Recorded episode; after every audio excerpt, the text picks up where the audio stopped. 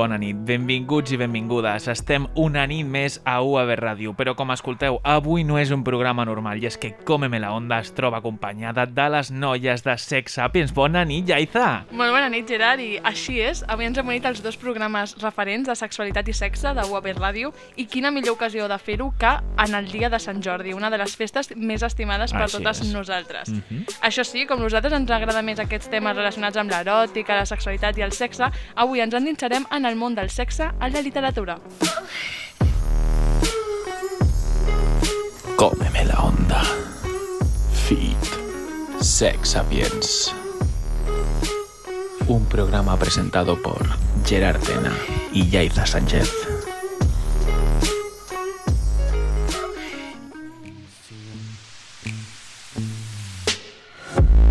Nit a tots i a totes. Comencem el programa d'avui i, bueno, avui la Mireia Sánchez explicarà què és la literatura eròtica i la seva evolució a Espanya amb el crític literari professor de la Universitat de Màlaga, Gaspar Garrote. Després, la Marina León tractarà l'amor tòxic en les novel·les romàntiques amb l'alumna d'Estudis de Gènere, Laia Arnau. L'Albert Aguilar ens parlarà de la sexualitat als llibres infantils i com podem beneficiar la canalla en el seu desenvolupament amb la psicòloga i sexòloga de Sex Academy, Laura Marcilla. També entrevistarem a Rocío Vidal i Antonio Guardiola, dos dels impulsors de la revista eròtica Sex Stories. I tornarem amb una, una setmana més amb la part més divertida i catxonda dels nostres programes, parlant-ne sense cap filtre i passant-ho bé. Avui tindrem un Minutos Anònimos carregat d'històries molt divertides i heavies mai explicades. A més, també tindrem les sexons que d'aquesta setmana, com no, seran molt hot i us encantaran escoltar mentre teniu sexe. I per últim, com no, tindrem una nova edició de Luces, Càmera i Sexo on podreu provar posar a prova els vostres coneixements de sexe a les pel·lícules. Us atreviu? Comencem. Això és Cómeme la Onda i... Sex Sapiens.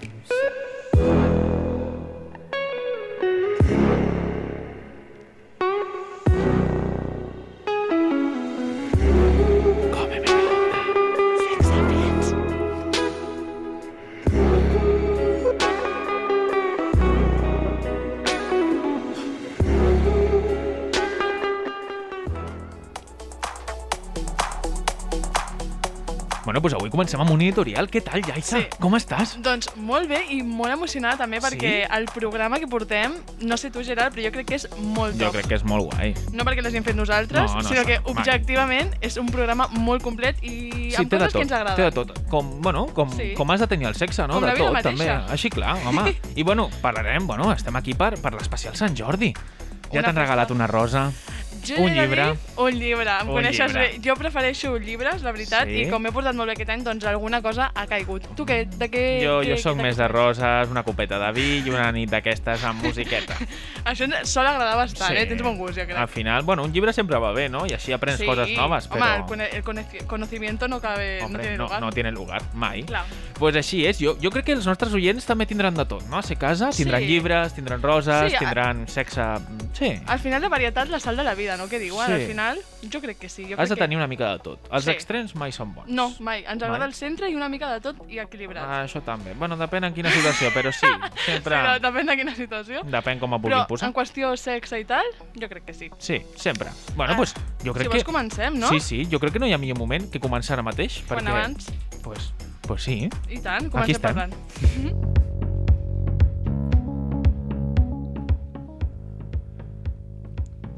I quina millor manera de començar aquest especial Sant Jordi que endinsant-nos més en la literatura eròtica, oi, Mireia? Doncs sí, Aiza. Si us dic els títols Pídeme lo que quieras, En los zapatos de Valeria o 50 sombres de Grey, què us ve al cap? Uf, A mi m'agrada molt, excepte l'últim, jo he de dir que a mi m'agraden molt els pues que has t'anava a dir que a mi l'últim m'agradava. Eh? Uy, bueno, al final, lo que decíamos, la Sí. variedad. La Varietat, variedad. op opinions diverses. Sí. Però la veritat és que si us dic aquests títols tots sabeu que estic parlant de literatura eròtica. Doncs existeix una fina línia entre el que considerem literatura eròtica com aquella literatura suggerent i literatura pornogràfica, que és aquella més explícita. Hem pogut parlar amb en Gaspar Garrote, professor titular de Filologia Hispànica de la Universitat de Màlaga. Ell prefereix parlar de literatura sexual, ja que considera que els conceptes d'erotisme i pornografia són massa recents. Yo hablo más bien de literatura eh, sexual, eh, porque eh, tanto eh, erotismo como pornografía son dos términos eh, muy recientes. Son dos términos que empiezan a utilizarse, erotismo, con el sentido que le damos hoy, se empieza a utilizar en el siglo XIX y pornografía es un neologismo construido también en el siglo XIX, eh, de tal forma que si los empleamos para hablar de textos anteriores al XIX, eh, caemos en anacronismo. Eh, de manera que yo hablo de literatura sexual, es decir, aquella que trata el sexo como, como tema. La literatura sexual tracta temes com la genitalitat, les postures sexuals o la prostitució. Per això, igual que ens passa amb la sexualitat, la literatura sexual està molt envoltada de tabús i prejudicis. A més, definir-la és cosa difícil perquè depèn molt de la moralitat de cada època. El que abans era prohibit, ara pot ser acceptat. Però com us quedeu si us dic que al segle XIII ja existia literatura eròtica? Mare meva. Que avançats. Sí. Sí, doncs segurament si us parlo del Tirant lo Blanc o de la Celestina no pensareu el mateix que heu pensat amb els títols al principi. Però aquestes també són obres que formen part de la literatura sexual. Evidentment no serà igual d'explícita que l'actual, però no queda tan llunyana. En el seu llibre Dos poètiques, en Gaspar Garrote fa una clara distinció entre literatura explícita i implícita, que corresponen a èpoques diferents. bien, eh, una, una categoría que es código explícito ah, o poética explícita que eh, se desarrolla en toda Europa, sobre todo a partir del siglo XVIII. Y poética implícita o código cerrado o, como se decía, se dice en los textos españoles desde la Edad Media, código sutil. Segons aquesta divisió, els textos escrits des del segle XIII fins al XVIII es codifiquen en dos plans simultanis, és a dir, que una mateixa paraula té dos significats diferents, un dels quals fa al·lusió a la sexualitat i al sexe. hay un motivo del código sutil que es el escribir, la escritura. ¿m? De manera que escribir es practicar un coito, papel es el lugar donde cae el semen, ah, tinta es la vagina, pluma es el pene, etc. Y lo mismo pasó desde el arcipreste de Ita en adelante eh, con otros motivos, por ejemplo el motivo del cabalgar, eh, que todavía hoy es eh, descodificable, entendible, o el motivo de eh, la religión. Rezar era practicar un coito, devoción era pene, adorar era besar, Aquesta complexitat de conceptes era perfectament comprensible tant pels escriptors dels textos com pels seus receptors. I aquí segurament us estareu preguntant qui eren els que escrivien aquest te aquests textos. Qui creieu que eren l'Elisabeth Benavent o la Megan Maxwell del segle XIII? Jo no tinc ni idea i no m'avergonyeixo. Jo tampoc. Doncs- No soy. Doncs mireu, per molt contradictori que pugui sonar, els escrivien els qui tenien accés a l'escriptura, el clergat. En l'estudi de la literatura i de la història, són molts els que qüestionen si aquests textos amb codificació implícita van ser escrits de forma conscient. Segons en Gaspar Garrote, és evident que la codificació era un repte que buscaven vèncer i, evidentment, intencionada. cuando hay una acumulación de, palabra- de de doble sentido, eh, que yo llamo, eh, utilizando un concepto de Jacobson, conmutadores, es decir, aquellos que pasan de un plano a otro, como hemos dicho antes, cuando hay acumulación, evidentemente difícilmente es por azar. ¿eh? Es más bien voluntad del autor de seguir ese código sutil. Ah, cuando encontramos textos en que se mezcla el- la poética sutil con la explícita, como Celestina o como la Caragicomedia, difícilmente podemos pensar que es por azar. Sabent que avui dia la sexualitat és un dels grans tabús de la nostra societat, resulta difícil creure que en l'edat mitjana ja existís literatura de caire sexual i més encara que els escriptors fossin membre, membres de l'Església.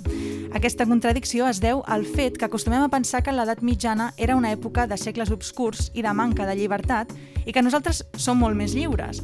Segons Garrote, això és completament erroni. El sexo sigue siendo una materia tabú hoy y eso pone, pone en cuestión nuestra capacidad de, eh, de liberación sexual, ¿no? Pero es que eh, lo que muestran los hechos es eh, que desde la Edad Media hasta el siglo XVIII el control sobre esos mensajes era mucho menos fuerte que el que hay a partir del siglo XVIII. Segons el filòleg, el control sobre la literatura sexual arriba amb les guerres de religió entre catòlics i protestants.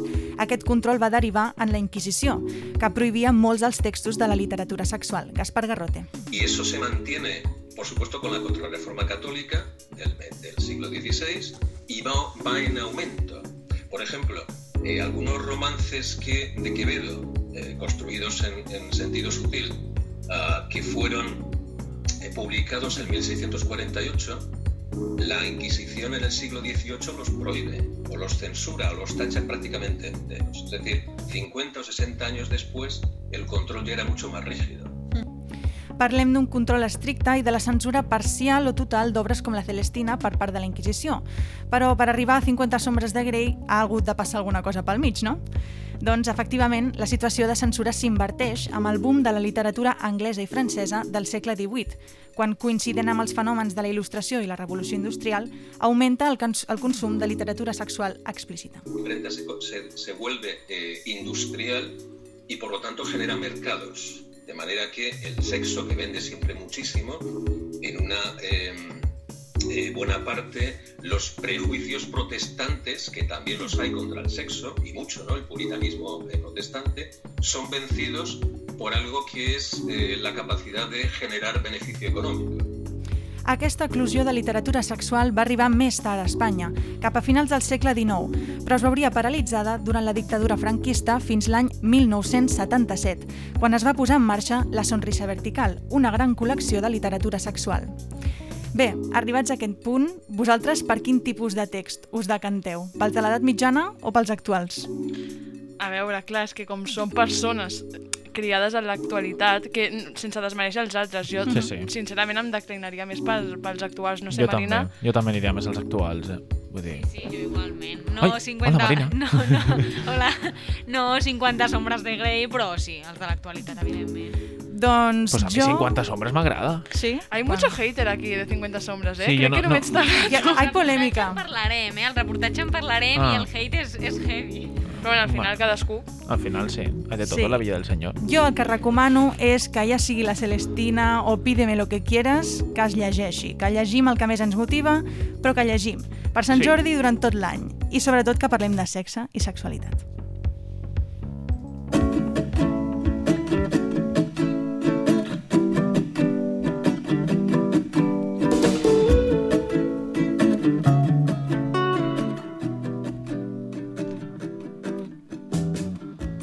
Data tan especial com és Sant Jordi, no podem deixar de banda els nens i nenes que al final són els que donen una mica de vida a aquesta tradició popular catalana. Home, Per aquest motiu, hem decidit fer una secció parlant de llibres i contes per afavorir l'educació sexual dels més joves, oi, Albert?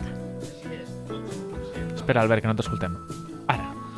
Així és, tots som conscients de la necessitat de realitzar una educació afectivo-sexual en família. No obstant això, quan arriba l'hora de la veritat, ens continua costant una miqueta. Ens semblen massa petits, no sabem fins on explicar, les seves preguntes extravagants ens descol·loquen i a vegades voldríem desaparèixer. Per sort, no estem sols. Com en altres ocasions, la literatura acudeix al rescat, donant-nos suport en textos elaborats per a tractar aquestes qüestions que ens resisteixen. És sempre una boníssima idea. El cos, les diferències, els canvis, l'autoestima, les relacions, la diversitat sexual i familiar són només una petita mostra dels temes que poden tractar aquests contes per infants. La psicòloga i sexòloga de Sex Academy, Laura Marcilla, ens ha parlat de la importància dels llibres i els contes com a eina per l'educació sexual. Bueno, pues realmente no es solo para educar en sexualidad, los libros son una herramienta para educar en absolutamente cualquier cosa. A, a un niño o una niña pequeña no le vas a hacer una explicación de cualquier fenómeno mm, como a un adulto, no le vas a poner un esquemita en una pizarra, hay que contárselo a través de cuentos, de fantasía, de metáfora. Pues entonces igual que a veces utilizamos cuentos incluso para enseñarles a leer la hora o para enseñarles tradiciones o cualquier otra costumbre, pues es que la sexualidad es un tema más, no, no es diferente. Está, es diferente porque lo hemos convertido en algo diferente, porque lo tratamos distinto, pero realmente es como cualquier otro aspecto de la vida que les queramos enseñar y, y el libro puede facilitar esa conversación y la comprensión a los más pequeños. Moltes famílies a Espanya estan acostumades a parlar de sexualitat amb els seus fills i filles durant l'etapa de l'adolescència. Això és el que opina la Laura sobre l'edat adient per educar sexualment amb llibres. La edad para empezar a trabajar la sexualidad es desde los cero años. Otra cosa es que a lo mejor con cero años, evidentemente, con solo unos meses de vida no te va a prestar atención a un libro, pero incluso de inconscientemente ya estamos educando en, en, sexualidad cuando, aunque no utilicemos libros, lo que pasa es que los mensajes que estamos mandando son diferentes. Desde el momento en que empezamos a elegir ropita de un color o de otro, o juguetes de un tipo o de otro, en función del género, ya estamos haciendo educación sexual. Una bona part dels contes infantils sobre sexualitat tenen la funció d'exposar les parts del cos humà, incloent els nostres aparells reproductors. La professional també s'expressa sobre la rellevància de conèixer el nostre cos des de petits. Si un niño no sabe ni cómo se llaman las partes de su cuerpo, ni se ha hablado nunca con él de, eh, de qué derecho tienen o no las demás personas a tocarle, a besarle sin su permiso, el derecho que tiene a, a, a, elegir a quién le da un beso, a quién no le da un beso, con quién se relaciona y con quién no, pues primero tiene menos herramientas para defenderse de alguien que a lo mejor intenta aprovecharse de esa vulnerabilidad y segundo, si el abuso sexual ocurre, que evidentemente no debería ocurrir, pero es que sabemos que ocurre, ni siquiera va a tener tampoco el vocabulario necesario para transmitir qué es lo que le ha pasado. No, no va a entenderlo, no va a ser capaz de pedir ayuda y es mucho más probable que este abuso sexual se alargue en el tiempo. La Laura també ens exposa la situació de l'educació sexual a les famílies i la seva experiència quan alguns pares i mares li pregunten dubtosos com poden dir als seus fills d'on han sortit. Me ha preguntado mi niño, mi niña, que cómo me quedé embarazada y que dónde estaba antes de nacer. Oh, Dios mío, ¿cómo, cómo le explico esto? Hay familias que sí se interesan, pero yo creo mmm, que hasta que no haya una adecuada educación sexual, las propias familias arrastran, y no es su culpa, pues un poquito esa sensación de vergüenza, de tabú, y de esto también los niños se dan cuenta, aunque tú estés poniendo todo de tu parte, y esto por supuesto es maravilloso y es mejor que no hacer nada, para hablarle ciertas cosas, si te da vergüenza de decir pene vulva mmm, o si reaccionas a sus preguntas de una manera así un poquito que se te escapa la cara de sorpresa, que se te abren mucho los ojos, los niños también se van a dar cuenta de esas actitudes y no se educa solo con las palabras, sino también con las actitudes que transmitimos. Entonces sería tan fantástico que hubiera mmm, y que se generalizase educación sexual para familias, para cubrir esas carencias por culpa de que el sistema no les facilitó la educación sexual que necesitaban cuando eran jóvenes. I quins llibres ens recomana? Doncs aquí us deixem una selecció que ens va fer la sexòloga per tots aquells pares i mares que vulguin educar sexualment els seus fills o filles.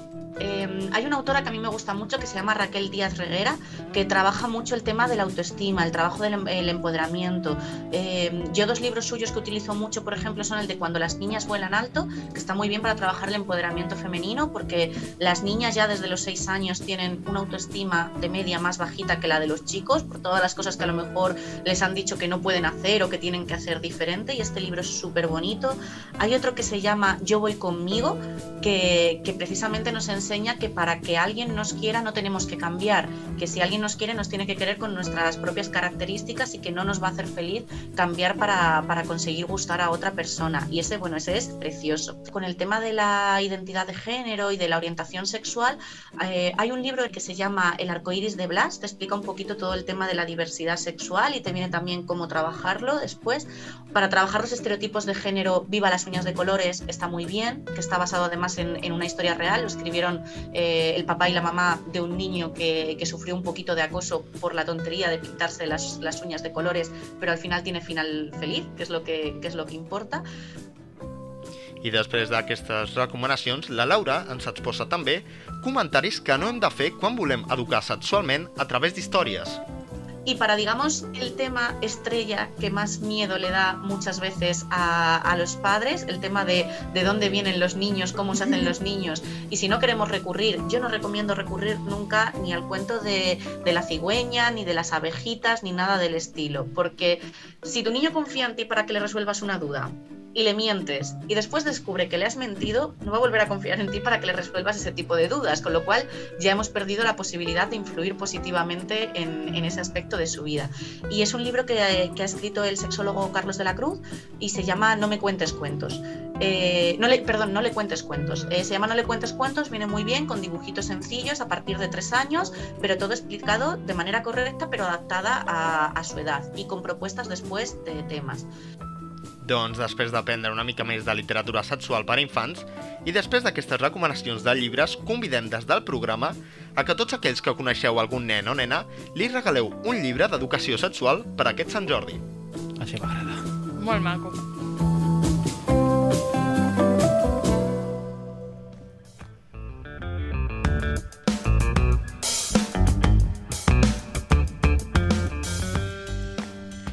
Els productes culturals, tal com són la literatura eròtica, no són més al cap i a la fi que un reflex de la mateixa societat i que en moltes ocasions poden afectar a les adolescents, oi Marina? Exacte, Yaiza. Tenim exemples de bestsellers com After amb molts fragments que podem batejar com literatura eròtica que s'han trobat immersos en polèmiques pel fet de no només representar, sinó que també idealitzar el masclisme en les relacions sexafectives. En aquest cas, el Hardin i la Tessa, els dos protagonistes.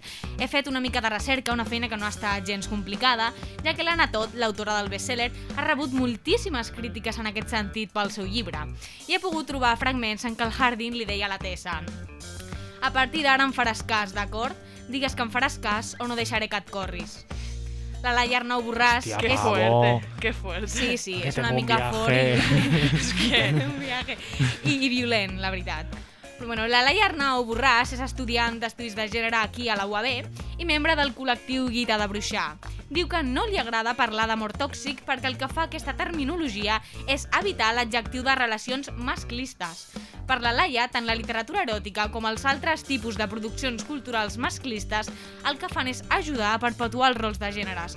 After és només un exemple. s'està venent un amor romàntic, a més un amor ja de fa molts d'anys, que sembla que ha de passar de moda i tal, però no passa, no? I llavors se construï... O sigui, les pel·lícules, sèries, um, llibres uh, i inclús dibuixos infantils, no?, que podíem veure quan, quan érem adolescents, um, són un reflexe um, superideològic de la societat. Al final són institucions que ens eduquen per ser d'una manera, d'una manera normativa, d'una manera um, basada en la heteronorma, no? l'obligació de que tothom ha de ser heterosexual sense plantejar-nos si a lo millor no ha de ser així, Sí. seguint com uns rols que al final el que marquen és el que s'anomena la divisió sexual del treball, no? que és com construir una família per mantenir l'economia, que la dona, dona faci les coses de casa, l'home les de fora... L'èxit de la literatura eròtica entre les dones allunyada del feminisme recau, segons la Laia, en la nostra educació. Ella diu, i es basa en allò que ja deia Simone de Beauvoir, que les dones estem construïdes d'acord amb tot el que no són els homes. A mesura que anem creixent, tenim la idea de que algú ens ha de venir a salvar, estimar-nos. M'explica que és la idea d'amor romàntic que reflecteix en llibres, com ara After. Mos haurien d'inculcar, no sé, l'autoestima, el propi reconeixement, el propi desenvolupament, perquè de fet és algo que en, que en els homes sí que fan, i en canvi en les dones no. Jo recordo quan era adolescent que hi havia una pressió social brutal per liar-te en algú, per tenir la teva primera relació sexual, per que algú s'enamorés de tu, és que si no eres una fracassada. Entonces esta pressió social fa que tu tingues, i a més, no, acompanyant-ho d'aquestes històries que semblen tan boniques i tal, pues llavors és com aquesta idea de totes volem això, i totes ho cantem, i totes ho ballem, no? La Laia, quan parlem de la perillosa idealització d'aquest tipus de llibres, se'n recorda de 50 ombres de Grey, com oblidar-nos, oi? Veremos. Al periòdico, la sociòloga Liliana Arroyo resumia molt bé com la literatura eròtica pot ser una eina de doble fil per fer-nos pensar que l'amor i el sexe de les seves pàgines és el que nosaltres aspirem, en comptes de fer-nos saltar les alarmes. Ella a l'article parla de l'obsessió d'en Grey per perseguir a l'Anastàcia i investigar el seu passat fins i tot. També de que veiem amb bons ulls per ser un ric, un home ric i guapo, eh, que li regali un mòbil per tenir-la localitzada, per exemple. I per si no n'hi hagués prou, la periodista parla de com la protagonista l'obliga a, a la- l'Anastàcia a prendre's les pastilles anticonceptives per mantenir sexe sense condó. Tot i això, el llibre idealitza aquest masclista i quan va sortir no era estrany escoltar que havies de posar un Christian Grey a la teva vida. La Arnau Borràs. Va ser un fenomen de masses i a tothom li va encantar. I jo recordo que ho vaig trobar al llibre a casa meu, a casa de mons pares, lo vaig fullejar i vaig dir, uh, què és això, no? Però és que en qualsevol, no sé, jo l'altre dia mirava Harry Potter perquè m'agrada molt i és el mateix, no? Relacions de que no se diuen les coses, no s'apresen els sentiments, també de dominació, de la noia és super innocent, ell és super malote... Sí, que crec que és una, una reproducció que veiem a la gran majoria de llibres, a la gran majoria. I, i els que no, són perquè se fan des d'una perspectiva feminista i des d'una manera de veure les coses o inclús relaten coses així però des d'una visió de la dona de com ho està visquent. La censura d'aquesta literatura, però, no és una solució. Tal com explicava l'estudiant, la solució recau en un canvi social que eviti la creació d'obres masclistes. És una idea complicada perquè així a priori jo no puc estar d'acord amb la censura, vull dir, és algo que, que no m'agrada. Però sí que per mi ha d'haver com un, un canvi social, polític, i, i aquí sí que, com evidentment les feministes ho hem de pilotar, però la societat ho ha d'anar canviant, perquè sense que canvi la societat no canviaran els seus productes culturals. El problema per la Laia no és que existeixin obres com aquestes, és que són hegemòniques estem creant un relat que les coses només poden ser així i afecta directament. També ho veiem quan no ens expliquen que els adolescents el primer que veuen sobre relacions sexuals són porno i el porno hegemònic, no un porno alternatiu que diguéssim. Llavors és com, vale, s'està construint un ideari de com han de ser les coses sense donar cap alternativa i com a sistema educatiu tampoc estem ensenyant que hi ha altres maneres, perquè damunt, pues, quan no des del feminisme ara que s'estan fent tallers a les escoles, no sé què, són són tallers que són com un bolet, no? però no hi ha com un currículum on, on realment se pugui donar al final eines i altres coses per sortir d'aquesta qüestió tan hegemònica. Sí, sí. Això ja passava fa uns anys quan la Laia era adolescent i ara ella veu l'efecte d'aquests productes culturals que fa un temps va idealitzar és que un munt de pel·lícules, llibres, no sé què, o sigui, vas idealitzant aquestes històries i t'encanten. I després sí que és veritat que el que produeix, que és algo que en les meves amigues i això parlem molt, és que coneixem algú i projectem, bueno, que ja hem de tenir fills, ens hem de casar per la Laia és molt important crear espais on aquests discursos se'n vagin contradient, ja que pensen no és normal que ara les adolescents continuïn idealitzant el masclisme dins les relacions sexafectives com ella ho feia fa 15 anys. La Judit Monton, l'encarregada de la secció Culturitzem-nos a Sex Sapiens, va llegir o més ben va devorar After, quan era adolescent i evidentment va caure en el pensament de que tant de bo el xulitó de la classe es fixés en ella. Com no, 50 ombres de Grey també va ocupar la seva prestatgeria. El pensament de quan sigui gran vull tenir això era recurrent. La Judit iguala el perill de la literatura eròtica masclista amb el perill de la pornografia. Sí que penso que, que és una edat molt influenciable, la de nens tan petits, de 12, 14, 15, 16 anys, per llegir aquest tipus de, de novel·les. Òbviament, doncs, cadascú que llegeixi el que vulgui, jo era molt feliç llegint novel·les eròtiques, però és molt difícil no idealitzar-les quan no has tingut cap tipus d'experiència real. I jo crec que el que em va passar a mi amb els llibres, doncs, li passa en major o menor mesura als nens o adolescents que es basen en el por porno per les seves relacions futures. Òbviament, doncs, la literatura eròtica normalment engloba més enllà del sexe, però acaba sent el mateix. Idealitzes una, uns estàndards que, que no, són, no són reals, unes relacions sexoafectives que, que rarament passen a, en una relació sana. Per a ella va ser complicat no idealitzar aquests llibres perquè, com molts i moltes adolescents avui dia, no havia tingut cap relació sexafectiva i no coneixia res més que, que el que llegia. Avui nosaltres tampoc advoquem per la censura de llibres com After o 50 homes de Grey o altres llibres que basen el seu argument en un home masclista, guapo i poderós, però sí que us animem a ser crítiques amb allò que llegim. Parlem molt del porno, però els llibres poden ser també una altra eina patriarcal per a la perpetuació de l'amor romàntic o el que és el mateix, del masclisme dins les relacions sexafectives. Que bé clar, parles. Clar, és de veritat, que... eh? jo m'he quedat embobado. Gràcies. Res més a afegir. No, no, no, és que res més, és que jo ja... Que, que necessari, no?, aquesta secció. Sí, jo, jo la veig molt necessari i també t'he de dir que, que a mi m'ha passat aquest sentiment de, de pues, agafar aquestes novel·les com, com referents i, bueno, són coses que no s'haurien de fer normal. perquè no, no sí, és així. Sí, Clar. són errors molt comuns, però bueno, per, per això està, estem aquí avui, per, per desmentir aquestes cosetes. Ah, això és.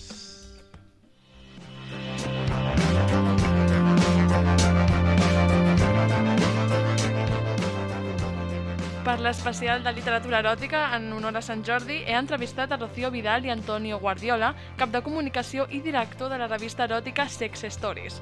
Publiquen edicions en línia i paper en còmics que tracten diferents temàtiques eròtiques y sexuals. Escoltem la entrevista. Empezamos con la primera pregunta, que es que según he visto en vuestra página web, Sex Stories fue una idea que surgió en 2011, si no me equivoco, en el Salón del Cómic y durante los próximos años ha ido pasando por diferentes procesos de profesionalización, entre los que estaba el crowdfunding. Entonces, ¿cómo habéis vivido este proceso de, de consolidar la, la, revista? Esto empezó, pues como bien dices, en 2011 nosotros, yo vengo de la, de la cultura del, del, cine, como dibujante y como artista me he criado mucho en, en salones y demás, y gracias a, a, eso conocí pues a mis dos compañeros del alma y amores de mi vida que son eh, Antonio Guardiola, que es el actual director, y, y a Chemi Baranus, que es nuestro coordinador de redes sociales. Pusimos en común varias ideas que era, no hay ninguna publicación donde la gente pueda expresar sus maneras de ver y concebir la sexualidad. Parece que el único cómic erótico que hay es cómic heteronormativo para señores, que ok, estupendo, está ahí, pero resulta que hay un montón de otras personas que al final también quieren poder expresarse y el hecho además de expresarse artísticamente sobre la sexualidad y sobre nuestra realidad, sobre aquellas cosas que nos inquietan, es algo muy humano y no estamos tan soles. Entonces decidimos elaborar el, el proyecto pues como, como un fanzine, así a, a, lo loco, ¿verdad Antonio? Exactamente, es que además recuerdo que por aquella época hablábamos y comentábamos cosas, ¡guau! Es que molaría un montón hacer alguna, alguna cosa tipo como la que hacía la Kiss. Lo que pasa es que, claro, más inclusiva, porque la Kiss, bueno, pues estaba, estaba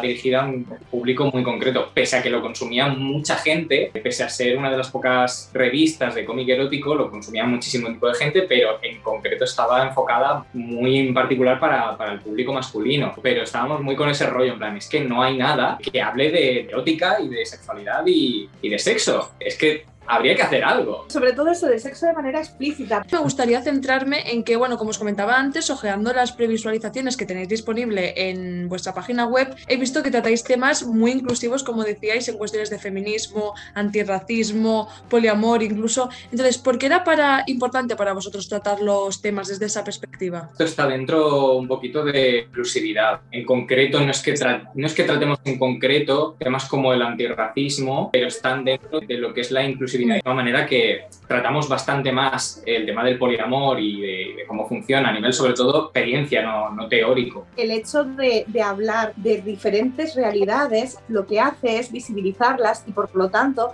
dejar de, que, hacer que dejen de estar en los márgenes. Al final las realidades como las relaciones no heteronormativas, como los distintos físicos, como las personas que no tienen por qué ser estereotípicamente blancas. Precisamente tratar la sexualidad desde una perspectiva sana, es decir, desde, desde, un feminismo inclusivo que abraza la diversidad y que abraza la, las diferentes maneras de expresarse y de, y de sentir. Todo eso es no solo desde una perspectiva tiene la, la, revista en sí, sino también desde, como dice Antonio, las experiencias de aquella gente que la componen. Al final, algo que es muy bonito en Sex Stories es que a pesar de que haya historias absolutamente fantásticas, dentro de la ficción se puede encontrar la esencia de muchas realidades. Hay lo que yo denominaría, de mi, a mi manera así como un poco casulana, la criminalización de la erótica, que es que, bueno, incluso se puede llegar a calificar de vulgar, hacer de menos, y a pesar de que sea otra manera más de manifestar arte, por ejemplo, pues hay mucho público que no comparte esta idea. ¿Qué opináis de ello? Hay una perspectiva bastante extendida y en esto seguro que, que Antonio eh, lo ampliará más, que relaciona la expresión erótica, el erotismo o la, o la pornografía, porque al final estamos hablando de, de una sexualidad muy, muy explícita, lo relaciona directamente con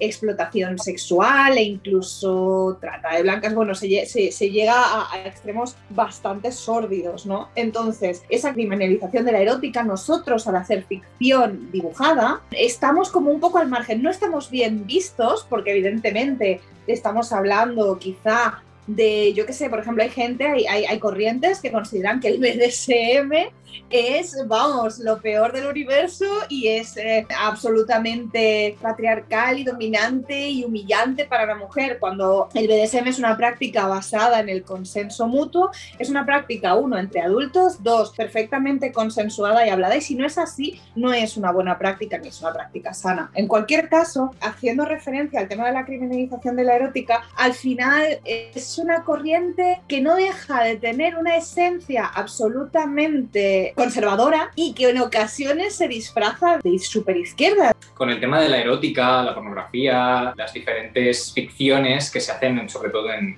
cine o incluso las narrativas, he tenido siempre muchísimos enemigos. Mayormente todos de una, de una corriente bastante conservadora. Se conocen varias corrientes diferentes de, de pensamiento que, que, que, van un poquito por, por este lado, pero, pero básicamente se pueden dividir un poco en aquellas corrientes que consideran que la industria, es decir, mm, ya no una creación cultural o una creación narrativa, sino como una creación industrial, física, que da una serie de trabajo, que crea una serie de condiciones en un ámbito social, es algo que está íntimamente ligado a las redes de prostitución, a las redes de tratar de personas, etcétera, etcétera. Cosa que, bueno, hay todo un universo ahí, realmente es una generalización muy bestia. ¿Es cierto que en, algún, en algunas ocasiones puede ocurrir eso? Pues no lo sé, no lo sé, no lo creo, ¿eh? O sea, pero al margen de que no lo creyese o no, lo que sí que ocurre en este sentido es que desde hace 20 años aproximadamente, las productoras, eh, por ejemplo, si estamos hablando de cine, las productoras han ido rebajando los derechos laborales de todos los trabajadores. Pero, ojo, no ha ido ocurriendo solamente en ese ámbito, en el ámbito de la pornografía, sino que ha ocurrido en todos los ámbitos de la sociedad.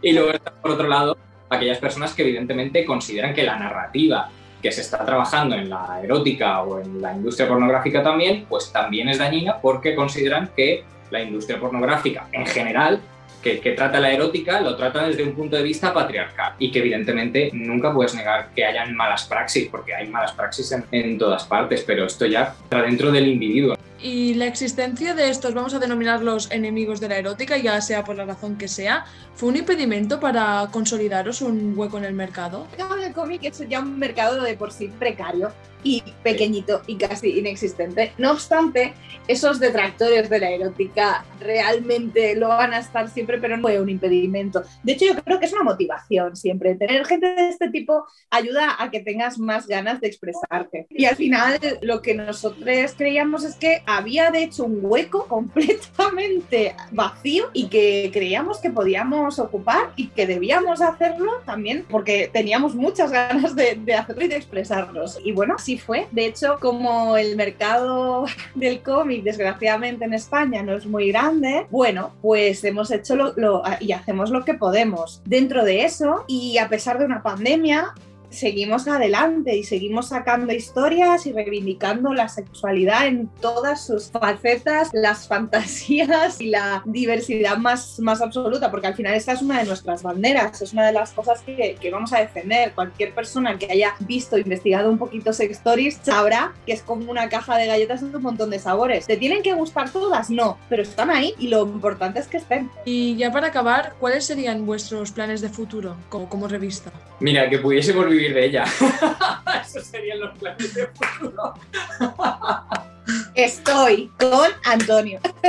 Sextories es, es un proyecto que, en el que participa mucha gente que, y en el que evidentemente ponemos todo lo que está de nuestra parte para ser un equipo profesional, pero desgraciadamente el, el núcleo duro que lo compone, aparte de, bueno, de otros eh, equipo puntual que necesitamos para eventos y demás, estamos poniendo parte de nosotros, pero en absoluto podemos dedicarle el 100% de, de nuestra energía y es algo que nos duele mucho porque sabemos que este proyecto, si tuviese el 100% de nuestra energía, sería mucho más grande y podríamos avanzar mucho más deprisa con él. Lo que pasa es que, bueno, la precariedad de este mercado y de la economía en general nos impide poder hacerlo y nos obliga a tener trabajos, digamos, laterales, side jobs que se llama, para poder seguir un poquito adelante con, con, el proyecto. Sí, sí, no, es que, es que es tal cual, o sea, lo suyo sería poder vivir de verdad de, de Sex Stories Magazine y, y, no solamente poder vivir, sino, sino poder dedicarle tiempo de verdad. Esta ha sido un poco toda la entrevista, así que muchas gracias por estar aquí con nosotras. Ya ves, muchas gracias a ti.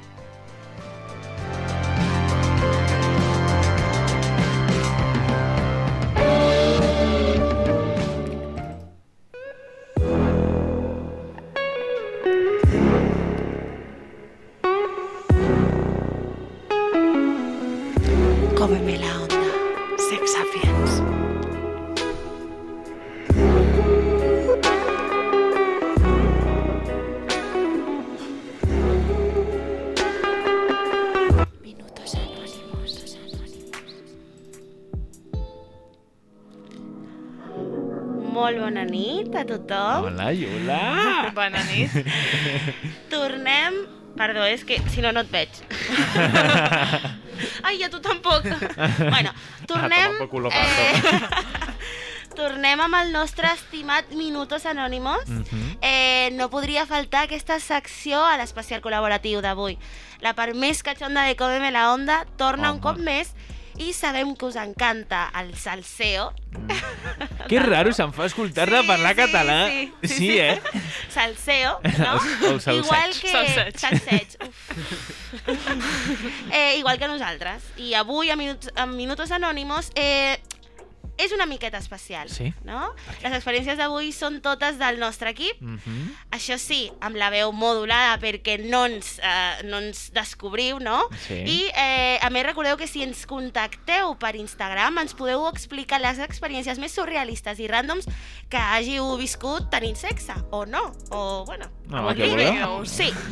Fora la vergonya, perquè quina millor manera de, bueno, d'explicar-ho rient-se, bueno, Fent fent, broma. fent conya. Treure'n importància al Sí. final. Exacte, i, Això és la i gràcia. envieu-nos les, les vostres experiències i, escolte, i es, les escoltarem encantadíssimes. Sí, sí, Jula, sí, ja ho bueno, sé. cada, cada setmana, bueno, cada dues setmanes ara, bueno, Sí. sí. Bueno, Sí. cada dues setmanes expliquem anècdotes divertides i esperem que eh, us agradin les d'aquesta setmana. A veure, Quina? anem, A veure, a veure, eh, està, per aquí està tot llest ja. Per quina comencem, ups, Jula? A veure, eh, digue'm, digue'm. Quina és la primera? Amiga, no toques porque tocas. A ver. Pues nada, la siguiente historia es de... no sé qué edad tenía, pero era menor de edad seguro. En la que yo pues eh, vivía en una casa pues muy grande y yo vivía, digamos, en el piso de arriba, tenía como toda una habitación enorme para mí.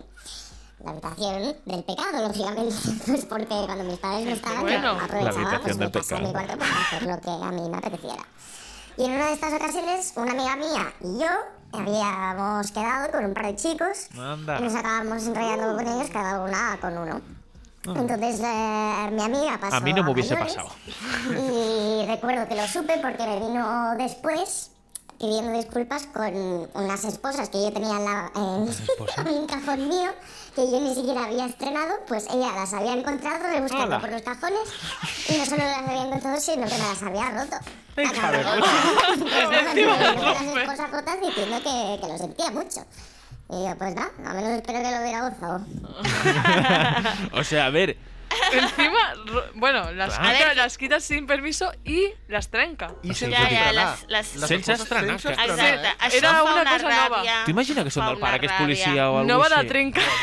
Home, Home, Això tu et creus? ràbia. sí, sí, jo... Jo, li, jo a mi que em, que em compre unes altres. A mi Clar, també. no, seria lo Amigas, just. Para todo, no sé. Es que no toques. Es que ¿por qué tocas? es que tal qual, es que no sé, vull dir, més compte amb les coses de la resta, no? Ja, ja, Quina- ja, quina- que s'ha d'anar amb cuidado. Quina és la següent, Jula? Va, digue'm. Mm, oro parece plata no es. A ver, oro Guau, parece guau. plátanos. Conocí a un chico por una app de citas, el primer contacto genial. Un chico muy agradable en todos los aspectos. Decidimos ir a su casa. Resulta que estaba a las afueras. Era un camino súper oscuro y bastante apartado de la ciudad, la verdad. Ay, Dios. Me ofreció algo para beber. Me dijo que era un cava muy bueno y decidí probarlo. Le di los primeros sorbos y me empecé a marear. Uh, Me pareció bastante raro porque me considero buena bebedora. Me asusté, no estaba cómoda la verdad. Decidí coger mi móvil y comentarlo con una amiga para que supiera dónde estaba. Pero dentro de la casa no había cobertura. hòstia, Madre. Me notó muy asustada, pero intenté actuar norma- normal. Dormimos juntos. Al día siguiente nos despertamos, me duché, me vestí. Me pregunta que qué tal había dormido, le dije que bien. Qué Eh, de repente escucho que, que grita, mamá, te voy a presentar a una chica. Mi Venga. cara de sorprendida y a la vez muy confusa por la situación. Desayunamos eh, todos juntos. Estaba la madre, el padre. Comida familiar. De lo nerviosa que estaba, eh, sin querer tropecé con él y él le tiré el café encima. Estaba deseando irme. A día de hoy me sigue hablando. Me sorprende por educación, pero nada más. Pobre Pero por chica. favor, ya. Seguro que le sigue diciendo a su madre que está saliendo con ella. Ostras, ah, No, lo peor es que la noche empieza como muy complicada porque, eh, a Claro. ver, Sí, sí. no, te vas a un sitio apartado, eh, te mareas con el cava que te ha dado, no hay cobertura. Chicas, I de- te van a matar. O sea, Clar, jo ja deia, es esto- el esto inicio es- de una historia de terror. Pintava, Sí, sí. pintava malament la història i he de dir que jo el gir de hola, esta és mi família. És un plot twist molt gran, al meu, eh? al meu hogar. No obstant això, situació, no obstant això, situació incòmoda també. Clar, me és que diràs, és- és- diràs. A mi passa això i És em que el moro, dia eh? següent Vull dir- d'estar amb algú que no, potser és un ligue d'una nit i Clar, mai clar, més, no? Però que ja et presenti als seus pares. Mira, te voy a enseñar Ai, a he, fet, he fet un pastís de poma. Welcome. És que, home... Mare, aquesta és la meva xicota. Tal qual, eh? O sigui, Ostres, ja basta. no m'agradaria estar allà. No, no, jo, mira, jo et llamo taxi. Taxi. Imprevisto. Ja, és veritat. Ai, és veritat. Uno, uno, Molt- dos, molt bon apunte. helicóptero, Jo helicóptero. llamo a la poli y me invento un delito. No era tan fàcil. Señales de humo, eh? Bueno, ya, ya la última. La última, Yula, ¿cuál es? Hubo premio. Hubo premio, madre de Dios, Bueno. qué premio. Hola amigos de la onda, hoy os voy a contar una de mis experiencias así más randoms. Cuando estaba con mi pareja practicando sexo anal a la hora de introducir lo que viene siendo todo el nardo. Em, después de estar ahí un buen rato, obviamente salió, salió un buen premio. Todo bien, bien completo, bien manchado, un bonito premio, me llevé. Así que, bueno, cosas que, que pueden pasar, sabiendo dónde se introducen las cosas. Pero sí, eh, estuvo cuanto menos gracioso. Ai. És que m'ha fet gràcia. És que pot passar, pot passar. Que sí, que pot passar. És, fisiològicament, és fisiològicament possible. Vull dir, I, i la incom... Clar, la, depèn de la persona que la incomoditat... Jo penso més en el moment de fer, nor fer normalitzar-ho o no. O potser és un escàndol ah, però és que tu imagina que poses allà la polla, la treus i està tota plena de merda. Com et quedes? Però és que potser pot- plena, plena...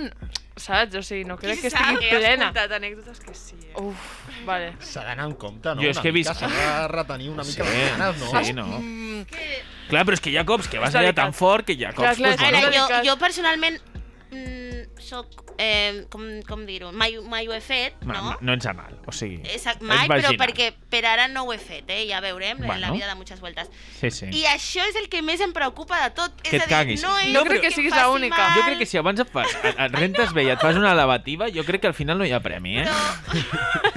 Però clar, si vols premi... Això ho expliquen a Sex Education. Mira, molt bé, veus? Però clar, escolta'm, és que és molt de feina. Quan és sexe vaginal, per exemple... Ah, clar, a ti te la meten i a tomar por culo, no? Sí, carinyo. no, però sí, el dia que vulgui fer-ho, òbviament hauré de pensar en tot... eh, Prendre mesures. Clar, clar, sí. Sí. Que al final el s'ha de sexe ha de ser còmode per tothom i, bueno, i ja està. I tot s'ha de preparar, també. Bueno, coses que passen. Hi ha dies que passen Sí. unes coses, hi ha dies que unes altres, i mira. Bueno, Bueno, Pues hasta aquí. doncs són, sí, aquestes són les uh, experiències... Intenso. Experiències... De... Bueno, i no has escuchado. I lo que callo. No, però, però com sempre estem super per fi, per contents. fi torna, eh? Perquè Sí, feia, feia, feia temps, temps que, que no no- venia un Minutos I ens ho passem molt Quin bé. honor. Aleshores, amb Sex Sapiens, quin Sí, honor. sí, aquí estem. És que el volíem portar a l'especial i aquí Clar. està como, com, com, bueno, como nunca. Como, como siempre, como, Como nunca o como siempre. Gerard, De verdad, te yo quiero. Sí, sí, jo a ti no. Bueno, pues fins, bueno, Fins eh, aquí? Fins aquí. Fins aquí. Ya está. Bueno, Pues muy bien. pues, pues adiós. Mmm, sex songs.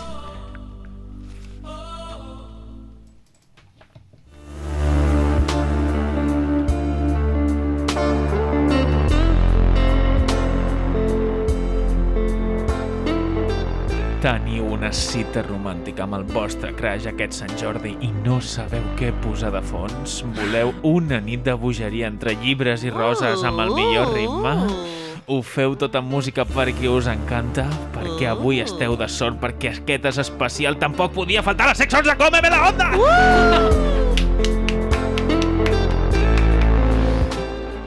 Així és. Avui tornem una vegada més i amb més ritme que mai amb una selecció de les millors cançons per a aquest, aquests moments tan íntims, no? Com ja sabeu, en cada programa us mostrem tres cançons per a aquests moments tan íntims per tenir sexe i cadascun de nosaltres triarà, triarà la millor, amb la, la que li agradaria tenir sexe o es veu fent sexe, no? Avui, a causa de l'especial, la selecció és una mica diferent. Totes les cançons d'avui són tretes de les novel·les més, sens més sensuals actual. Molt bé, doncs Yula, Quina és la primera cançó d'avui? D'on està treta? A veure, explica'ns. Doncs mira, la primera cançó d'avui és de la saga adolescent After. No sé si heu, l'heu Sí, llegit. sí, tant, hem parlat hem just parlat- abans. Mira, justament... Ah, genial, genial. Una, una, una saga que es va estrenar l'any 2014 i la pel·lícula de la qual va, va sortir en- a cinemes el 2019. Molt bé. La cançó ha estat titulada Out of Love, de Alessia Cara. Que bonitat. Uh, en aquest cas és, la, és el remix eh, de, de Bolt. L'he dit bé? The Vault, sí. Molt bé, No quin l'honor de Yes, perfect. Ok, una cançó que es va estrenar amb la pel·lícula i que ho ha patat. Posem-la, a veure, què A tal? veure, la posem? Sí. Te la poso. 来，你坐下来。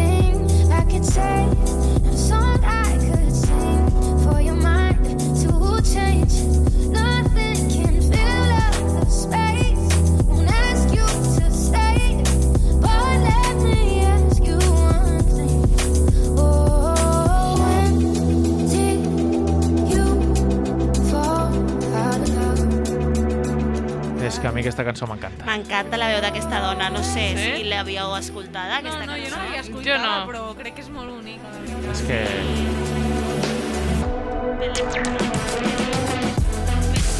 No sé mai si es diu pell de gallina o pells de punta. Bueno, siempre me lío, siempre digo... Eh, Tanto monta, tanto... Ah, tanto monta, monta tanto, al final ens entenem. Però significa el mateix. Sí. Bueno, doncs aquesta era la primera cançó. Quina és la següent, Yula? Bueno, doncs la següent cançó d'avui és de la novel·la Call Me By Your Name. Oh, per favor, cada cop que dic aquesta, aquest nom, moro. Bueno, una novel·la que es va estrenar l'any 2007 i la Sí. seva adaptació cinematogràfica va sortir als cinemes 10 anys després, o sigui, a l'any 2017. Així és, et surten bé els càlculs, eh? Sí, sí, Ja soc, veig. soc una màquina jo. La cançó és titulada Visions of Gideon, de Sufjan Stevens, una cançó una mica més lenta i romàntica que l'anterior, però que també eh, es va estrenar amb la pel·lícula i que segur que ha omplert mil i una nits romàntiques de moltíssimes parelles. A veure, posa'ns-la, Gerard.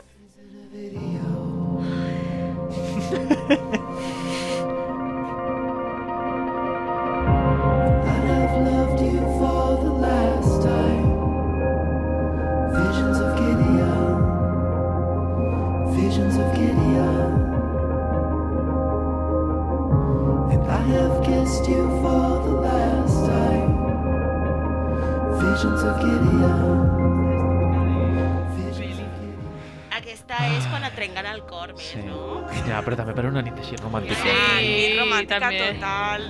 A mi, a mi m'agrada més Sexe esta peli. Sí, com aquesta cançó la vaig veure en la pel·lícula, llavors ja... Sí, és una cançó, bueno, és, és molt trista, però és... és, és ai, Molt maca. És molt, unes, molt emotiva. unes valetes allà, estiradet, no? Facin així una miqueta de pessigolles. jo, jo me lo veo, coño, no te voy a decir que no. Bueno, la nostra última cançó d'avui és de la saga 50 sombres de Grey, no? 50 sombres de Grey.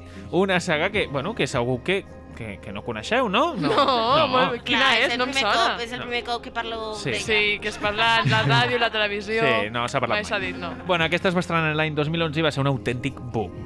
Bueno, com hem dit abans, l'adaptació cinematogràfica va sortir en cinemes en l'any 2015 i la cançó és titula I Don't Wanna Live Forever, una cançó molt romàntica perfecta per a aquells moments previs plens de petons i carícies. Escoltarem aquesta cançó perquè segur que no podeu viure sense ella a partir d'ara, perquè és que és, és un temazo de Zayn i de Taylor Swift. Anem a escoltar-la. What has happened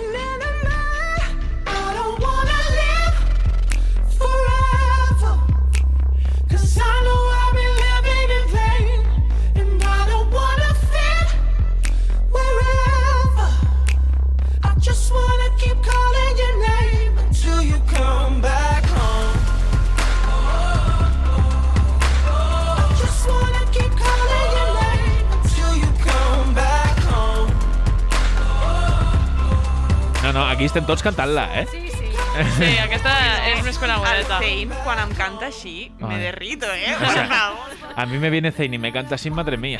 Ah, Ahí sí que hay premio. Ahí sí que hay. Gerard. Bueno, ¿qué ha pasado, Yula? ¿Qué viene ahora? Tenemos que decidir, bueno, ¿no? sí, ara, entre nosaltres, de les tres cançons que hem escoltat, escollirem la que més, més ens agradi i hi haurà una guanyadora. Ah, sí. bueno, Vale. A veure, comencem per tu, Jaiza. Per la mi, que me més tengo ens que agradi mojar. per tenir sexe, eh? Sí, sí, sí, clar, clar.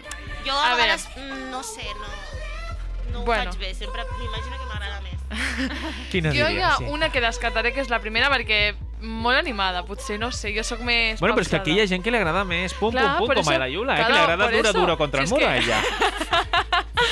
Bueno, jo crec que triaria la de Call Me By Your Name. O sigui, amb un significat més romàntic que no pas of trist. Gideon, no? Sí, sí, Va. sí.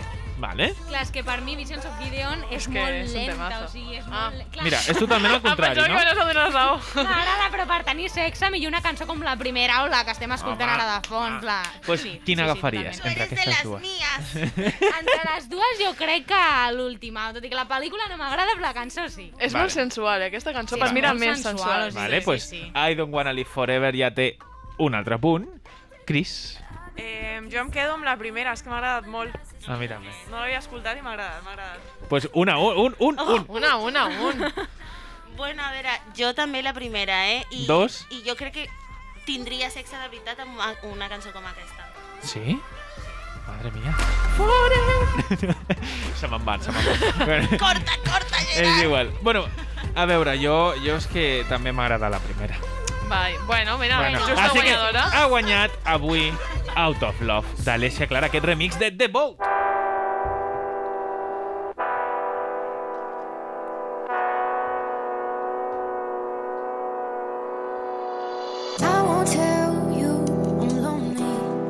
Bueno, recordeu el títol de la cançó, ja sabeu, és Out of Love d'Alessia Clara, és el remix de The Bolt. I, bueno, com ja sabeu, ja la podeu apuntar a la llista i gaudiu més que mai amb aquest ritme que comença així tranquil·let i després puja, eh?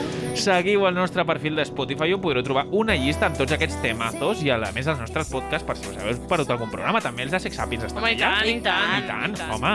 I també Primer una... un i després un altre, i així Això hacemos mateix. doblete. Claro, doblete. I ja acabes el Sant Jordi Oh, sencer. vamos, apanyadíssim. I després un buen polvo amb aquesta cançó i te'n vas a dormir I content.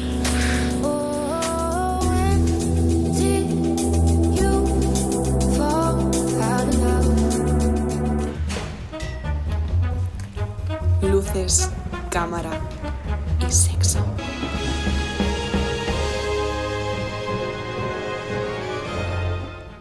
Hola, Cris. Hola, bueno, nois, avui sí que sí, torna el nostre estimat Luces Càmera Sexo, que feia moltes setmanes que no Bien, fèiem ja. Bien, bien. I bueno, D'exclusives. Per en honor, I en honor a aquest dia del Sant Jordi tan especial, Sí? ens deixem de pel·lis. Tot i que ens costi Ala. avui les pel·lis les aparquem. Vinga, hasta luego. Hem preparat una escena que segur que us agrada molt, i és que és una història que totes i tots coneixem molt i molt bé. La llegenda de... De qui serà? No ho sé. La llegenda de Sant Jordi. No se m'acudeix. No, no em ve el cap, eh? Bueno, com no podia ser d'una altra manera, hem fet una versió molt com Meme la onda. Així que get ready i dale, Jerry, dale. No, no, dale no, perquè és que no la trobo. No la trobo. Un moment, un Gerard, moment. una más No, no, y no. estás fuera. Exigencias. És que... Problemas técnicos, aguanten. Esperen. Manténganse a la espera. Esperen. és que... Just... És que algú m'ha La banda sonora de la meva vida. Sí, tal és. Així. Tiri, tiri, tiri. La estoy buscando. Oh, Estamos trabajando en solucionar los problemas. Manténgase a la espera, por favor. Ya, ya llega, ya llega.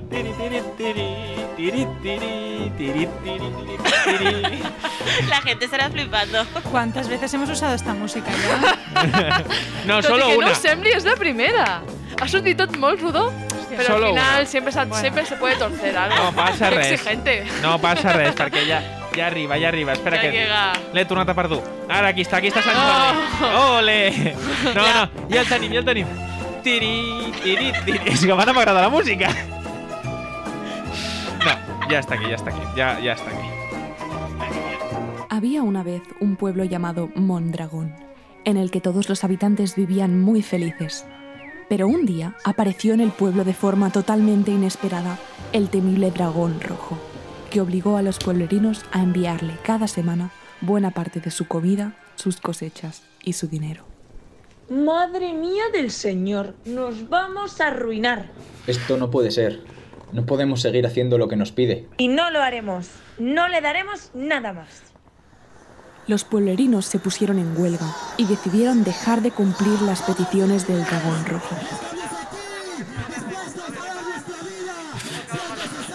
Pero la cagaron. Hemos recibido noticias del dragón rojo. Leo textualmente. A partir del lunes ya no me vale con vuestra comida y vuestro dinero de mierda, sino que me tendréis que mandar a una de vuestras mujeres. O bueno, todo es probar en esta vida, así que mandadme a quien queráis, que me voy a chupar bien los dedos. Joder, si es que... ¿Quién nos manda a nosotros ponernos en plan revolucionario? A callar y a pringar, coño. En Mondragón decidieron que escogerían a la persona que mandarían por sorteo, en el que aparecerían los nombres de todos los habitantes del pueblo, incluidos los de la familia real. O bueno, una parte de ella. Hija mía, no pienso meter tu nombre en esa urna. Soy el rey y haré lo que me salga de la polla real. Pero la princesa, que era comunista y republicana, quería estar en igualdad de derechos que su pueblo y metió su nombre en la urna a escondidas de su padre.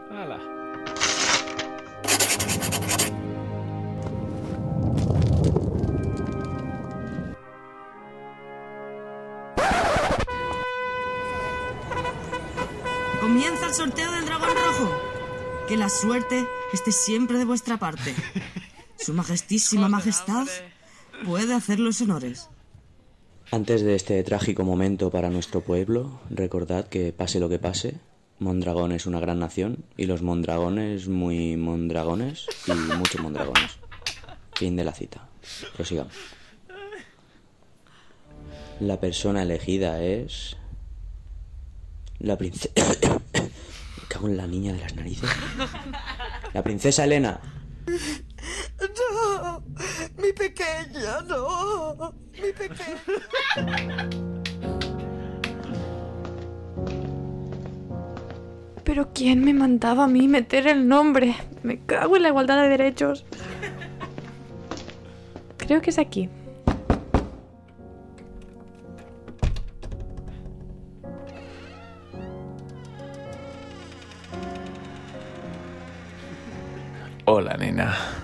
¿Eres tú la elegida? ¿Y tú quién coño eres, fantasma? Yo soy el gran dragón rojo. Joder. O sea que no eres un dragón de verdad. Pero entonces, ¿no me quieres comer? Bueno, yo lo que quiero es comerte todo lo negro. Grrr. Oh, o sea que además de ladrón eres un jodido putero. Ey, ey, con respeto. Soy consumidor de un servicio por el que pago generosamente. No necesito que me pagues, soy una princesa. Ay, Mai, un roleplay en la vida real. Pasa, pasa. Ponte esas coronas y ahora vengo, nena. ¿Quién coño viene ahora? Hola, soy Jordi, vuestro repartidor de globo. Ha pedido usted una pizza en Pizza Love con la promoción Love Plus, que viene con un ramo de rosas para que su love sea más lovely que nunca. A ver, ¿me vas a pagar ya o no? Tu dragón está listo para el revolcón. Ah, joder, que tú eres la princesa. Yo te salvaré del dragón, baby. No, no, no. Tú dame el cuchillo de la pizza y vete de vuelta con la bici con la que has venido, Ryder, porque ya me encargo yo. ¿Princesa? ¡Muérete, dragón cabrón! ¡La victoria para el pueblo! Esto no es TP. El dragón cayó al suelo y desangrado murió. Y el rider de Globo Jordi, del asco, se desmayó. Buah. Esto no está pagado, ¿eh? Literalmente. La princesa del suelo cogió una rosa, que de rojo sangre se manchó. Muy poderosa se sintió, su coño se encendió y al rider Jordi se folló. Pero como era un pringado que el clítoris no encontró, se fue para su casa y feliz se masturbó.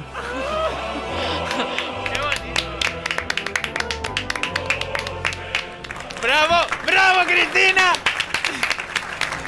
Cristina, no tengo palabras, te mereces un, un verdadero Oscar por esto. He de dir que jo m'ho passo molt bé fent aquestes coses i que no s'acabin mai perquè m'encanta. Molt, molt xulo, tia. És, és una, Sí. la millor versió que he escoltat. Ah, no, que, que hoy no tenemos que saber cuál es, ¿no? No, no, ¿Cuál es es? evidente, De que- ¿cuál es? Què estàvem escoltant? Quina és? Quina llegenda era? No me'n recordo. No sé. de Sant Jordi, carinyo. Ah, gràcies, gràcies. És que, clar, jo a vegades em perdo, eh? No ho hem dit La al edad, la programa. edad. No, no ho he La dit. edad, la Prou. edad, eh? En cap moment. Però estava superbien, eh, Cris? La veritat, m'ha encantat. La veritat és que sí, ahir els efectes especials, oi? Esto és Sí, una sí, gran sí, producció, detalls, eh? detalls de Això. tot. Vamos. ¿Cuándo, ¿Cuándo habéis imitado a M. Rajoy? Sí, sí. Es que aquí, Qué maravilla. aquí jugamos un poco con fuego. Oye, y el himno de la URSS al final. Bueno, eso ha sido ya. bueno. Arriesgándonos a chaparlo allí. Qué Bueno, per acabar aquesta col·laboració especial del Dia del Llibre, us portem tancant aquest programa d'una manera molt especial. Pugem la temperatura al pur estil Cómeme la onda i acabem aquest programa conjunt amb Sex Sapiens, amb la lectura d'un relat eròtic aquí, a les zones. Pel clímax del programa us portem eh, l'inici del relat La expectativa, escrit pel pseudònim Diablillos Hot. La història alterna eh, entre els pensaments de la Mia i en Lorenzo en una tòrrida trobada en un hotel. L'expecta- L'expectativa és eh, el guanyador del concurs de relats eròtics a la plataforma O Fidelio que és una de les xarxes de contactes liberals més importants d'Espanya. Fundada pel transgressor Senyor Lobo, eh, la plataforma aposta per facilitar eh, el desem desenvolupament i del gaudir d'un concepte obert de la sexualitat. Volíem també aportar um, aquesta visió tan fresca i oberta de la sexualitat en un dia com avui, Sant Jordi, i reivindicar la figura liberal dins del món de la literatura eròtica. Per tant, hem demanat permís al senyor Lobo uh, per portar-vos um, aquest relat. I no només els, el tenim aquí, sinó que el senyor Lobo s'ha oferit generosíssimament a fer-nos la lectura juntament amb la seva parella Merche. Serà un honor per nosaltres que ens acompanyin aquesta nit. Us avancem també que és molt possible que el senyor Lobo ens acompanyi també en un futur a Comeme la Onda, que, Exacte. bueno, però... Que ja, Per lo, ara, ja lo tenemos fichado. per, per ara podeu trobar aquest relat i la resta dels postulats a la web de ofidelio.com amb H i sempre podeu trobar més informació als seus perfils d'Instagram o Fidelio o barra baixa Fidelio barra baixa i senyor... no, i barra baixa senyor barra baixa Lobo barra baixa. bueno, gaudim Bueno, doncs... a, a l'Instagram sí. ho tenim. Sí, a sí, Instagram. a l'Instagram ho posem. Gaudim, doncs, de l'inici d'aquesta història guanyadora del concurs de relats eròtics d'Ofidelio, lligada pel seu propi organitzador, el senyor Lobo i la seva lloba. Si us quedeu amb ganes de més, no patiu, perquè podreu trobar el relat complet al nostre Instagram TV, arroba comeme, barra baja, la, barra baja, onda, després del programa. Anem a escoltar-lo. Anem a escoltar-lo.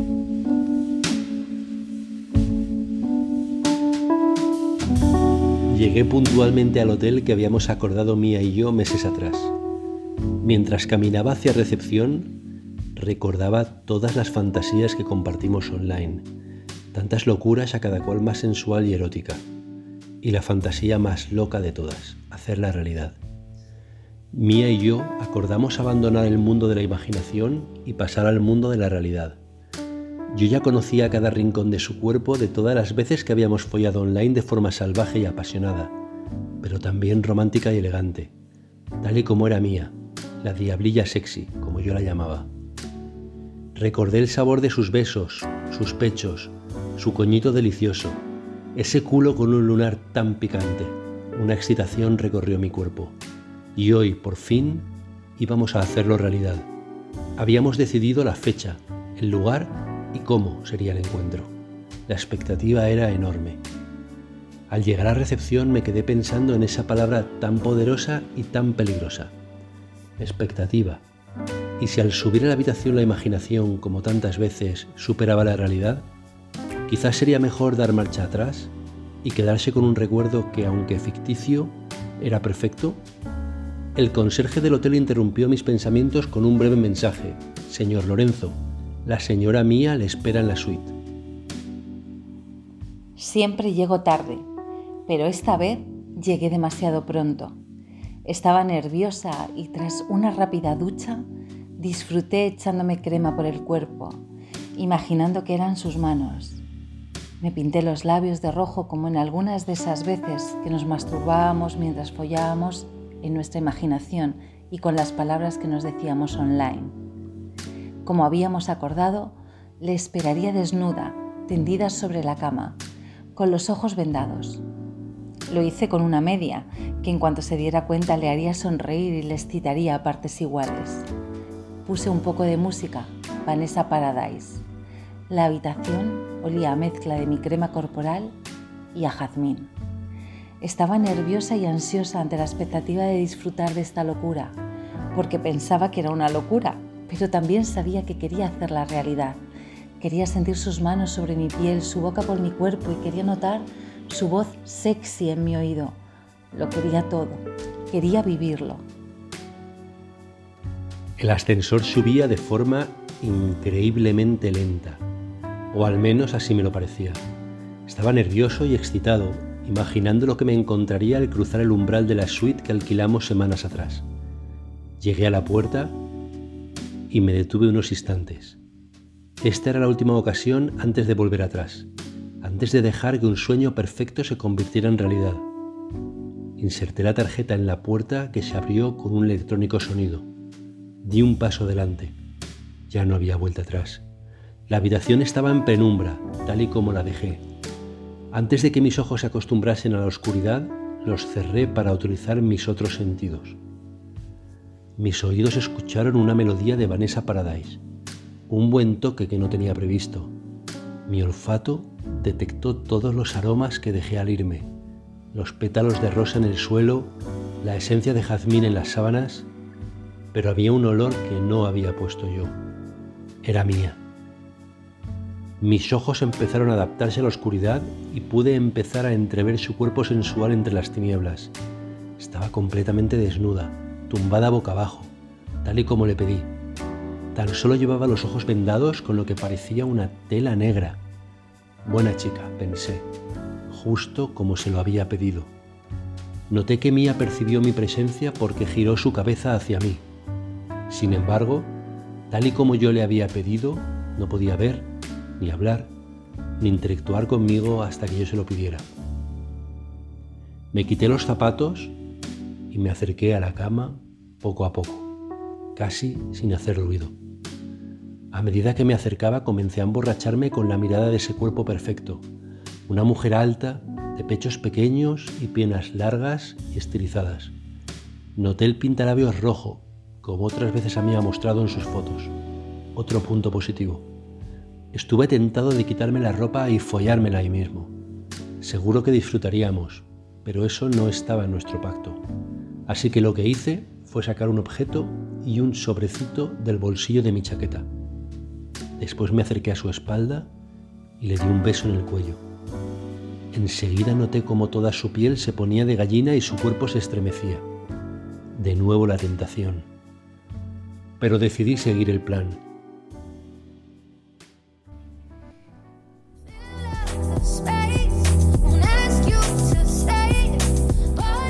Bueno, Bueno, qué és una relato pena. más interesante. O sea, sí, m'ha encantat, eh? M'ha te lo juro encantat que- i m'ha posat els pets de punta. a mi també, eh?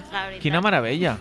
I la veu El em podeu sona escoltar molt. tot a Instagram TV, ja ho sabeu, a nostre Sí. Instagram TV de com, barra, com m barra baja la barra baja onda. Molt bé, I ja està. carinyo. Vinga, Doncs toca acomiadar el programa aquest super especial de Sant Jordi amb Sex Sapiens. Eh, no ens agrada gens els comiats, però bueno, no marxem, sinó que tornem, és un hasta luego. Sí. I bueno, espero que us ho hagueu passat tan bé com tots nosaltres. I us recordem que podeu seguir-nos a Instagram a la nostra compte, que ja l'hem dit mil cops, i a sexsapien.cm a, a Twitter també, que l'hem dit també mil cops, arroba comemeonda, i a arroba sapiensex. Um, i subscriu-vos al nostre canal de YouTube i també de Twitch, si us Així plau. és. Gràcies, Iula, i gràcies a tots els nostres convidats. Sí. Gaspar Garrote, Laia Arnau, Laura Marcilla, Rocío Vidal, Antonio Guardiola, el senyor Lobo i a tots per participar en aquest especial. Sí, la veritat és que sí. També a vosaltres, a l'equip de Ai, Sexapiens, moltes moltíssimes gràcies, Jaiza. Un plaer, gràcies a totes vosaltres, que hi ha un trabajazo que en els micros Sí. no es veu, però que No. està allà. No, no, igualment. Així que moltes gràcies, un plaer. No sé si la Mireia vol afegir alguna cosa. Ens ho hem passat molt bé. Haurem de repetir. Jo espero, jo espero que vosaltres, que, que, que els oients ho hagin passat genial i que els hagi encantat aquest programa. Jo i... crec que sí. Jo crec que sí. Ja tindrem feedback. Bueno, també el vostre equip, també volem dir tots Sí. els noms del vostre equip, Mireia Sánchez, Marina León, Albert Aguilar, Andrea Cuerva, Judit Montón, Ana Biosca pa i Paula Tolosa i el nostre equip de Cómeme la Onda, Berta Sánchez, gràcies, gràcies Gemma Josep, Cristina, gràcies també. I com ja sabeu... I jo no existo, ¿verdad? I tu sí, ja te l'he donat abans. No. com ja sabeu, tant a Cómeme la Onda com a Sex Sapiens seguim cada setmana destapant prejudicis i portant-vos tota la informació possible sobre el sexe i la sexualitat. Això és tot per avui i nosaltres fins aquí dues setmanes. Sex Sapiens la setmana que ve, no? No, dues setmanes en aquest cas. dues setmanes? Dues setmanetes pues també. dues setmanes també. Pues això és tot. Sed felices Sí. y portaros bien. o no. Adiós. Adeu.